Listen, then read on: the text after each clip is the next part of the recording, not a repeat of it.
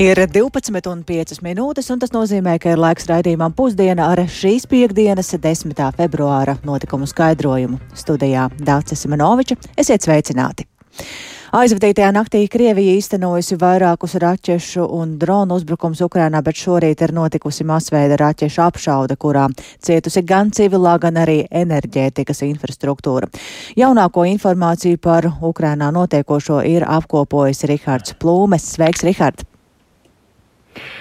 Jā, labdien! Nu, atšķirībā no nakts uz piekdienu, kad gaisa trauksme tika izsludināta dažos Ukrainas apgabalos, piemēram, Zaporīžjā, kas cieta no lielākā uzbrukuma pilsētai kopš kara sākuma, un arī Harkivā, kur triecieni tika doti kritiskajai infrastruktūrai un arī cietuši septiņi cilvēki. Šorīt gaisa trauksme jau skanēja visā Ukrainā, un tiek ziņots, ka vairākos apgabalos, tostarp Mikolājevas, Odesas, Ņipropetrovskas, Kijevas, apgabalos, arī galvaspilsētā, pašā galvaspilsētā eh, darbojusies ir pretgaisa aizsardzība.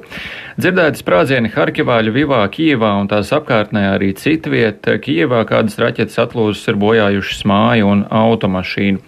Pienākušas ziņas, ka vairākos apgabalos austrumos, rietumos un dienvidos ienaidnieks ir trāpījis kritiskajai enerģetikas infrastruktūrai. Par cietušajiem, kā arī par noteikto raķešu skaitu ziņas šobrīd tiek precizētas. Saņemot ziņas par raķešu triecienu draudiem jau no rīta, pirms masveida trieciena vairākos apgabalos tika noteikti avārijas elektroenerģijas padeves pārtraukumi, un tas tika īstenots kā preventīvs solis vienkārši, lai izvairītos no būtiskiem bojājumiem enerģētikas infrastruktūrai, ja ienaidnieka raķetes sasniegtu mērķi, un kā jau minēju, tad vairākās vietās ienaidniekam tas arī ir izdevies. Paklausīsimies, ko šorīt minēja Ukrāņu militārais eksperts Vladislavs Serezņovs. Я думаю, что произошла обычная комбинированная атака э, путинской армии, которая... Es domāju, ka ir noticis ierastais kombinētais Putina armijas uzbrukums, turpinot realizēt raķešu terora taktiku. Uzbrukumi naktī ar droniem un šorīt ar raķetēm ir mērķēti uz mūsu valsts kritiskās enerģētikas objektiem. Putins joprojām sapņo mūs iedzīt tumsā, atstāt bez elektrības, arī ūdens un siltuma, kanalizācijas un stabila interneta. Bet vai šāda agresija no Putina apstādinās mūsu pretošanu? vilšanos? Nē, neapstādinās. Kaujas darbības turpinās. Ir zināms, ka Krievija no kuģiem Melnajā jūrā bija palaidusi kalibra raķetes, tāpat tika ziņots par vairāku strateģisko bumbvedēju, Tu-95 pacelšanos, kuri izšāvuši spārnotās raķetes, un pirms brīža jau tika ziņots, ka tie nolaidušies. Tikmēr Baltkrievija gaisā iepriekš esot pacēlus iznīcinātāju MIG, kas spēja pārvadāt hiperskaņas raķetes Kinžal. Dažas no izšautajām raķetēm, kā nesen paziņojis, paziņojis Ukrainas armijas vadītājs Zalužnīs eh, dažas no Krievijas raķetēm esot šķērsojušas Rumānijas un arī Moldovas gaisa telpu, un eh, šķietami šobrīd masīvais uzbrukums ir beidzies, jo vietām tiek ziņots, ka gaisa trauksme jau ir beigusi skanēt. Par to, kādi būs, eh, kāda būs postažu un kāda secinājuma pēc šī trieciena, par to jau ziņās, ziņosim turpmāk dienas gaitā. Šo, šim brīdim tas arī viss. Paldies, Rihārda, par šo jaunāko informāciju. Un jāteic, ka arī šie Krievijas raķešu raidījumi Ukrainas virzienā liecina, ka pēdējās dienās uzbrukumi Ukrainai ir pastiprinājušies. Un paklausīsimies, kā vēl šorīt tos kolēģim Laurim Zvejniekam komentēja Nacionālo bruņoto spēku pārstāvis majors Jānis Slaidiņš. Uzbrukums ir šaurā frontes sektorā, Luhanskas apgabalā, protams, ar mērķi apdraudēt Slavjānsku, Kramatorsku, jo Krievi veids knaibļu operāciju, viens zars nāk no Bahmutas, otrs no Kreminas, un mērķis noteikti ir iziet uz Slavjānsku un Kramatorsku. Viss būs daudz atkarīgs no laika apstākļiem. Ja šajā nedēļā valda mīnusi kara darbības zonā, tad nākamā nedēļa ir gaidāms atkusnis, tā vismaz prognozes, un tas, protams, ierobežos plašas uzbrukuma darbības. It sevišķi iet runa par kaujas tehnikas izmantošanu smagās. Kādas ir uh, Ukrāņu iespējas uh, noturēties šiem Krievijas uh, triecieniem, un kāda savukārt būtu Ukrāņu galvenā taktika, tad, lai apturētu šo uzbrukumu? Nu, redzam, ka Krievi uzbruks tātad Luhanskā, tur ir izdevīgi tādā ziņā tas, ka ir tuvu Krievija un ir nodrošināts diezgan efektīvas apgādes līnijas. To Krievi pašlaik izmanto, bet Ukraiņi, es domāju, ka viņi ir izvērtējuši situāciju pēc šī savu veiksmīgā pretuzbrukuma un pietiekam nocietinājuši šo teritoriju, lai Krievijas spēkiem apgrūtinātu jebkādu darbību. Bet redzam, ka Ukraiņi pieturās pie šīs taktikas, kas jau ir pārbaudīta, maksimāli novājināt Krievijas bruņotos spēkus. Es domāju, ka viņi arī pie tā pieturēsies pašlaik, kamēr netiks saformētas jaunas vienības, pie kā viņi pašlaik strādā, un tad jau mēs noteikti redzēsim vairāk uz pavasara pusi arī kādu efektīvu predarbību no Ukrainas bruņoto spēku puses. Tā Nacionālo bruņoto spēku pārstāvis majors Jānis Slaidiņš, un tas viss nozīmē arī to, cik būtiska joprojām ir visa veida palīdzība Ukrainai. Fonds uzņēmēja mieram sadarbībā ar Nacionālajiem bruņotajiem spēkiem un valsts policija šodien rīko akciju Sasildīsim karavīrus Doņetskā, un fonds aicināja ikvienu ziedot silto veļu, sildošos elementus, zābakus, zeķis un ģenerators, ar kuriem piepildīt valsts policijas ziedoto autobusu setram, un tas ar tā dēvēto Twitter konveju dosies ceļā jau šovakar. Kolēģi Agnija Lazdeņa šobrīd atrodas pie Tirzniecības centra Spice, kur jau no astoņiem rītā notiek akcija, un ar viņu esam šobrīd sazvanījušies. Sveika, Agnija, vai autobuss jau ir piepildīts? Labdien! Jā, lai gan cilvēki nāk teiksim tā, pa vienam, pa diviem, un no, no sākuma var likties, ka ir ļoti maz ziedotāju, tomēr autobus jau ir līdz pusē aizpildīts, un, un kā norāda pārstāvja akcijas, tad uh, ir pavisam lielas cerības, ka tas būs pilns jau tad, kad tas dosies projām uz Ukrainu. Un uh, cilvēki nāk un viņi ziedo, un kā par aprunājoties arī ar šiem ziedotājiem, kāda kundze atzina, ka no rīta bija dzirdējusi Latvijas radio ziņās par to, ka šāda ak akcija eksistē eksistē, un līdz ar to viņa uzreiz zināja, ka viņai tas ir jāziedo, jo kā uzsvēra viņa pati, ka tas ir ļoti svarīgi, un ja kādam ir slikti un kāds ir nelaimē, tad viņiem ir jāpalīdz. Paklausīsimies, kā tad eh, par ziedotājiem iztekās Nacionālo bruņoto spēku pārstāvis Māris Tūtiņš. Mēs sniedzam palīdzību Ukrainai, jo viņi cīnās arī par mums. Viņi cīnās par katru no mums, par katru brīvās pasaules pilsoni. Un tādēļ arī šiem karavīriem Ukrainai ir ļoti svarīgi saprast, kad uh, viņi saņem šo palīdzību sūtījumu, kad viņi redz, ka uh, tur ir apkopotas mantas, ko ir ziedojuši vienkārši Latvijas cilvēki, atlicinot pēdējo centu, pēdējo santīmu, nopērkot viņiem šīs zeķes, termomeļu. Tieši tas, kas karavīram fronte ir visvairāk vajadzīgs, jo ziemā ir augsts augsts. Naktī sevišķi ir augsts. Tādēļ šis siltums, pievienotais emocionālais siltums, viņiem ļoti svarīgs. Tāds lūk komentārs par akcijas norisi un par ziedotājiem savukārt, ja kāds klausītājs iespējams domā, kāpēc tieši ir autobus, tad uh, tur skaidrojums ir pavisam vienkārši. Tas ir vieglākais veids, kā uzreiz var šo visus ziedojumus aizvest uz Ukrainu. Un vēl pavisam īsi, kas ir tas, par ko, eh, ko ziedo visvairāk? Jā, izteikti šobrīd ziedo cilvēki tieši apģērbu, savukārt uzņēmēji, kas arī piedalās šajā akcijā, viņi vairāk ziedo ģenerators, kas tieši Ukrainas karavīriem ir visvairāk šobrīd vajadzīgi. Un uh, piebildīšu vien to, ka vēl līdz pulkstens diviem var paspēt nogādāt savus ziedojumus pie tirzniecības centra spīce. Dace. Tā tad vēl nepilnas divas stundas. Paldies Agnijai, tas par palīdzību Ukrainai, taču Latvija ir gatava palīdzēt arī zemestrīces skartajai Turcijai, piešķirot 70 tūkstošu eiro izraisīto seku mazināšanai. Tāpat valdība šobrīd lemj par plāniem nosūtīt sēgas un apsildāmās teltis, kas šobrīd pēc Turcijas vēstniecības Latvijā teiktā tur šobrīd ir ārkārtīgi steidzami vajadzīgas. Tikmēr aizvien pieaug bojā gājušo skaits notikušajās spēcīgajās zemestrīcēs, kas nodarīja plašus postījumus Turcijas dienvidu austrumos un Sīrijas ziemeļa rietumos. Līdz šim ir apstiprināta vairāk nekā 21 tūkstošu cilvēku nāve un tūkstošiem izdzīvojušo ir spiesti mitināties necilvēcīgos apstākļos, jo kavējas palīdzības piegādes. Par to turpina Uldis Ķezberis. Lai gan ir pagājušas jau vairāk nekā četras diennaktis kopš pirmās zemestrīces, glābējiem tomēr izdodas atrast vēl pa kādam izdzīvojušajam. Šorīt glābēji Turcijas pilsētā Antakjā no sagruvušas ēkas drupām izcēla 30 gadus vecu vīrieti, kurš tur bija iespiests vairāk nekā 100 stundas. Glābšanas darbos piedalījās arī Mustafa Aidins, kurš neslēpa savu saviļņojumu. Çok mutluyum ya. Üç gündür uyumuyorum. iki saatlik uykuyla duruyorum. Eve dönmek üzereydim istirahat etmek için. Esmu ļoti priecīgs. Neesmu kārtīgi gulējis trīs dienas, tikai pasnaudu kādas divas stundas. Es jau gatavojos doties mājās pagulēt, bet tad kolēģis teica, ka dzird cilvēka balsi, un es paliku. Izglābtais kungs teica, tikai neaizej, pirms neesmu tevi apskāvis, brāli. Viņš teica, kā apciemos mani Stambulā. İstanbul'a da gelecek görüşeceğiz misafirim olacak. Pasaules veselības organizācija ir paziņojusi, ka daudzi zemestrīcēs izdzīvojušie uzturas apstākļos, kas var apdraudēt viņu veselību. Organizācija bažījies par dažādu infekcijas slimību izplatīšanos zemestrīču vissmagāk skartajos rajonos, jo cilvēkiem nav pieejams tīrs dzeramais ūdens un medikamenti. Vakar no Turcijas, Sīrijas ziemeļrietumos ieradās pirmās sešas kravas automašīnas ar apvienoto nāciju organizācijas sarūpēto humāno palīdzību. ANO ģenerālsekretārs Antonio Guterres aicināja starptautisko sabiedrību piešķirt vairāk līdzekļu Turcijai un Sīrijai, kā arī nodrošināt plašāku pieeju zemestrīču nopostītajiem rajoniem Sīrijas ziemeļrietumos, ko kontrolē dažādi bruņotie grupējumi.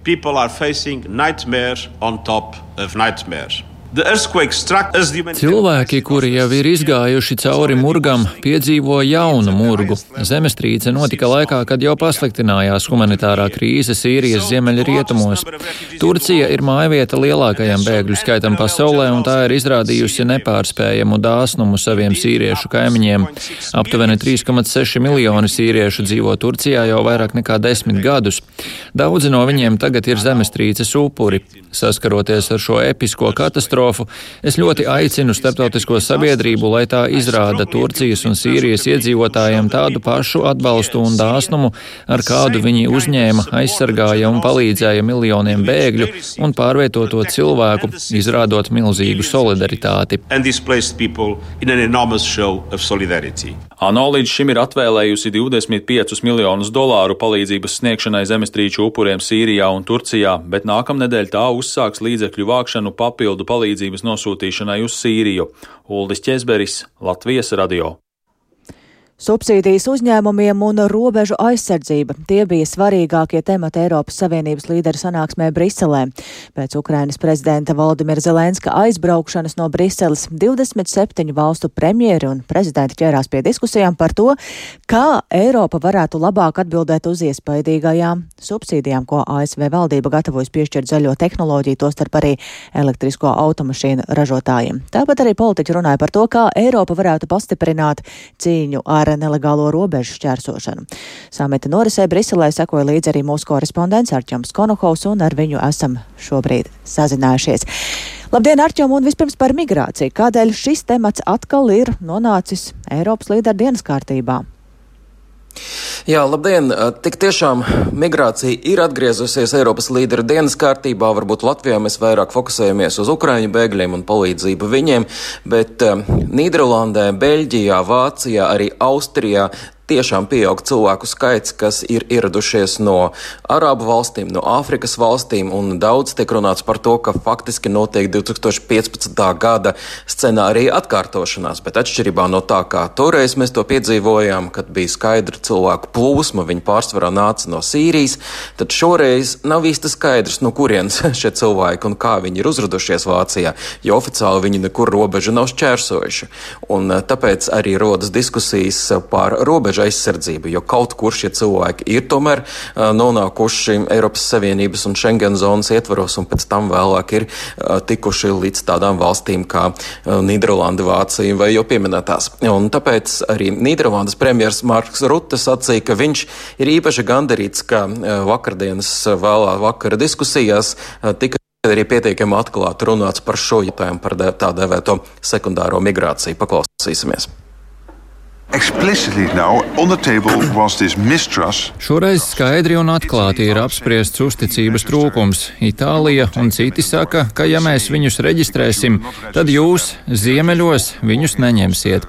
Mēs sakām, ka tāpēc, ka jūs viņus nereģistrējat, viņi vienkārši soļo pāri Vācijas un Nīderlandes vai Beļģijas un Nīderlandes robežai.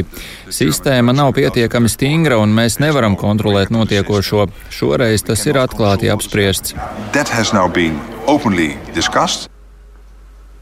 Tātad šobrīd galvenais uzsvars tiek likts uz to, lai pātrinātu to cilvēku izraidīšanu, kam patvērums ir atteikts, un arī uz stingrāku robežu kontroli. Iespējams, pat tiek pieļautas eh, idejas par žoga celtniecību, pieņemsim, uz Bulgārijas un Turcijas robežas. Jā, tas par migrāciju, bet, eh, ja runājam par ekonomiku, saki, kādus risinājumus apsver, lai varētu palīdzēt Eiropas eh, ražotājiem saglabāt savu konkurētspēju? Konkurētspējas saglabāšana ir ārkārtīgi nozīmīgs jautājums, ņemot vērā, ka ir strauji pieaugušas elektrības cenas un ASV šobrīd gatavojas piešķirt milzīgas subsīdijas. Tāpēc diskusijas ir par to, kā Eiropa varētu atbildēt uz šīm subsīdijām un vai, pieņemsim, atļaut tādām valstīm kā Francija, Vācija un citām, kam ir šādas iespējas piešķirt um, dažādu palīdzību, valsts palīdzību saviem uzņēmumiem, lai viņi varētu veicināt veicināt šo uzņēmumu konkurētspēju. Un tas izsauc pietiekami daudz jautājumu un pietiekami daudz diskusiju, jo, pieņemsim, Latvijā būtu grūtāk atrast naudu, lai palīdzētu mūsu uzņēmumiem. Savukārt Vācija un Francija, viņiem resursi ir vairāk un viņi to var darīt, un tas tad attiecīgi varētu kropļot iekšējo konkurenci Eiropas Savienībā, un arī tas ir pietiekami būtisks jautājums. Tādēļ, kā sacīja Eiropas komisijas priekšsēdētāja Urzula Fonderleina, marta vidū viņa nāks klājā ar jauniem priekšlikumiem, jau saistošiem priekšlikumiem par to, kā vajadzētu rīkoties tālāk šajā situācijā. Paklausīsimies! In fact, we have a head start with the clean tech Industry. Patiesībā mums ir zināmas priekšrocības zaļo tehnoloģiju industrijā. Mums ir inovatīva un konkurētspējīga industrija. Mums ir arī plāns. Tas ir mūsu zaļais kurs.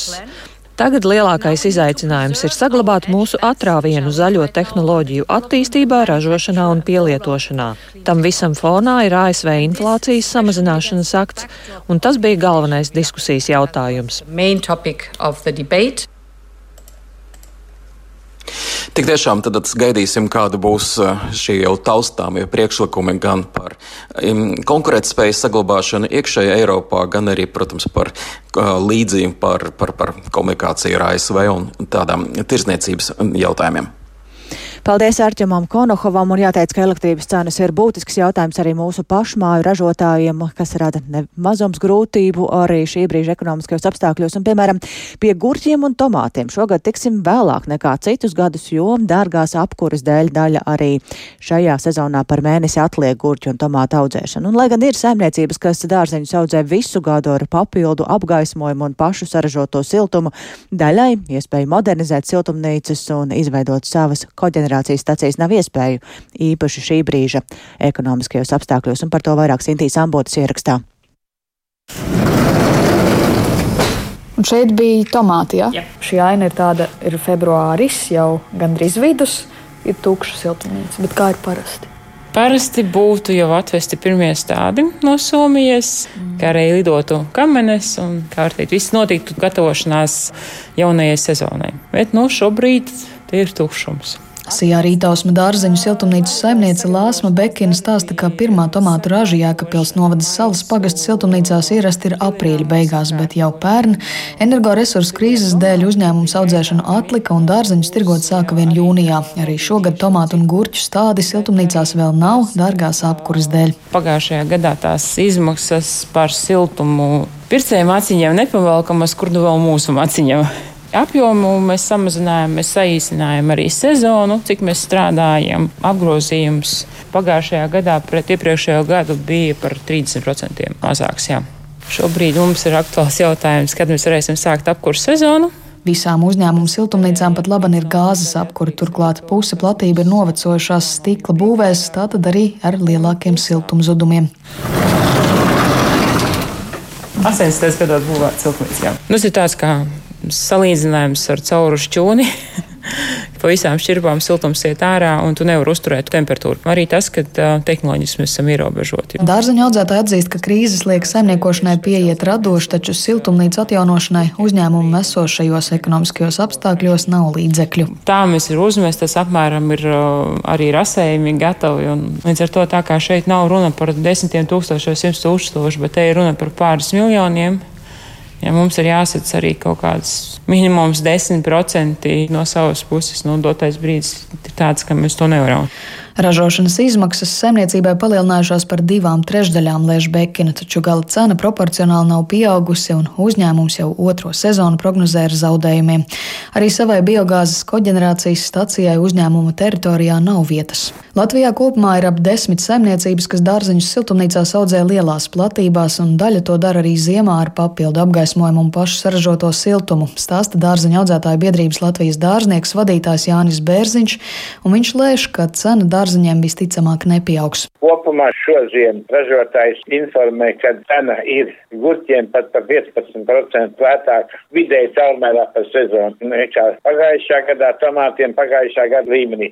Tā ir cena, ko saņem vai vienojas ražotājs. Tālāk, kas notiek tirgo, tas jau ir tirgotāju ziņā. Diemžēl, neskatoties uz visiem enerģijas sadārdzinājumiem, nu, dzīvi neatļauj par lielāku cenu vienoties, jo, nu, preci nevar gaidīt, viņi ir jāpārdod un var pārdot. Skaidrs, ka ļoti ietekmē mūsu tirgu arī iedzīvotāju pirkt spēja. Neskatoties uz minētajiem izaicinājumiem, Lāsma Bekina dārzeņu audzēšanu gan neplāno pamest un cer uz nozares izaugsmi kopumā valstī. Iekšējā tirgus aizsardzība. Mēs neesam valsts, kurā ir lielie apjomi, un ja mums ir jāievēro visas tās prasības, ko mums uzstāda gan kvalitātes ziņā, gan to, ko mēs varam lietot kā augu aizsardzības līdzekļus, mēs nonākam ļoti nevienlīdzīgās pozīcijās. Arī Cēsu siltumnīcas dārzeņu saimniecība Kliģēna Latvijas radio norādīja, ka dārzeņu audzēšana šogad par mēnesi atliks dārgās apkures dēļ, jo arī šo siltumnīcu apsildē lielākoties ir gāzes apkure. Sinti Ambote, Latvijas radio. Un vēl no uzņēmē darbības pie kultūras, jo šobrīd Nacionālajā mākslas muzejā risinās mākslas dzīvē. Svarīgs notikums - Purvīšu balvas eksperti paziņo Purvīšu balvas 2023 fināla kandidātu vārdus un arī mūža ieguldījuma balvas ieguvēju. Muzejā atrodas arī kolēģi Baiba Kušķa, ar kuru šobrīd esam sazinājušies. Sveika, Baiba, vai finālistu vārdi jau ir izskanējuši? Jā, labdien! E, pirms maza brīža tiešām Nacionālā mākslas muzeja direktore Māra Lāca paziņoja e, finālistus, un tie šogad ir seši, nevis astoņi kā citos gados. Tie ir mākslinieku un mākslinieku grupas, kas ir izraudzīti kopumā no 21 nominanta. Un tātad es viņus arī, protams, nosaukšu. Un tā ir Evelīna Deišmane, Kristaps Epners, Daiga Grantiņa, Darja Meļņikova, Evita Vasiljeva un Kaspars Groševs un Ance Vilnīte. Vēl var pateikt, ka visus viņu izvirzītos darbus eh, kopumā var raksturot, ka tās ir bijušas visas tādas ļoti izvērstas izstādes. Tie ir visdažādāko mēdīju darbi un tematika ir fiziskā un garīgā veselība, ģimene, vēsture, arī dažādas marginalizētas sabiedrības grupas un pati telpas arheoloģija. Jā, un noteikti mēs ļoti gaidām arī to, kurš tad mākslinieks ir ieguvis balvu par mūža ieguldījumu. Jā, un es ar lielu prieku varu paziņot, ka balva ir iegūsi, es teiktu, skatītāji ļoti mīlēta, krāšņa, spilgta un arī ļoti ražīga māksliniece, un tā ir tekstilu māksliniece Edīte Pauls Vīgnere. Žūrija ir uzsvērusi, ka balvu piešķir par mākslinieckās kvalitātēs augstvērtīgu, spēcīgu un radošas enerģijas piepildītu sniegumu mākslā vairāk nekā pusgadsimta garumā. Jā, nu kandidāti ir uzzināti, kad ir gaidāma laureāta paziņošana un arī šī tradicionālā visu kandidātu darba izstāde. Jā, izstāde ir gaidāma 31. martā, to atklās un kā parasti to iekārtos Daiga Rudzāte. Viņai tas būs, es domāju, ļoti sarežģīts uzdevums, jo tie darbi ir tik ļoti dažādos mēdījos, ka vienkopš tos parādīt nebūs viegli, ne pavisam. Un laureāts savukārt paziņos 26. maijā. Un laureāts noteiks eh, starptautiska žūrija, kurā būs pārstāvji no Vācijas, no Čehijas, bet žūriju vadīs mūsu Nacionālā mākslas muzeja direktore Māra Lāce. Paldies Baibai Kušķai par šo informāciju. Tātad balvu par mūža ieguldījumu iegūs Edīte Pauls Vignera, un ar to arī šobrīd izskan raidījums pusdiena. Producente Ilze Agīnta ierakstus montēja Renārs Šteimanis, par labskaņu rūpējās Rīta Karnača, un ar jums sarunājās Dācis Semenoviča. Vēl pavisam īsi par svarīgāko Ukraina piedzīvo Krievijas kārtējo raķešu triecienu. Subsīdijas uzņēmumiem un robežu aizsardzība tie ir svarīgākie temati bijuši Eiropas Savienības līderu sanāksmē Briselē. Dārgās apkuras dēļ daļa dārzeņu slim, eh, siltumnīcu arī šajā sezonā par mēnesi atliek gurķu un tomātu audzēšanu un ir atklāti mākslinieki, kuri tad šogad ir izvirzīti purvīša balvai. Mūsu ziņām var sekot līdzi arī sociālajos tīklos, tāpat arī esam atrodami raidierakstu platformās un Latvijas radio mobilajā lietotnē.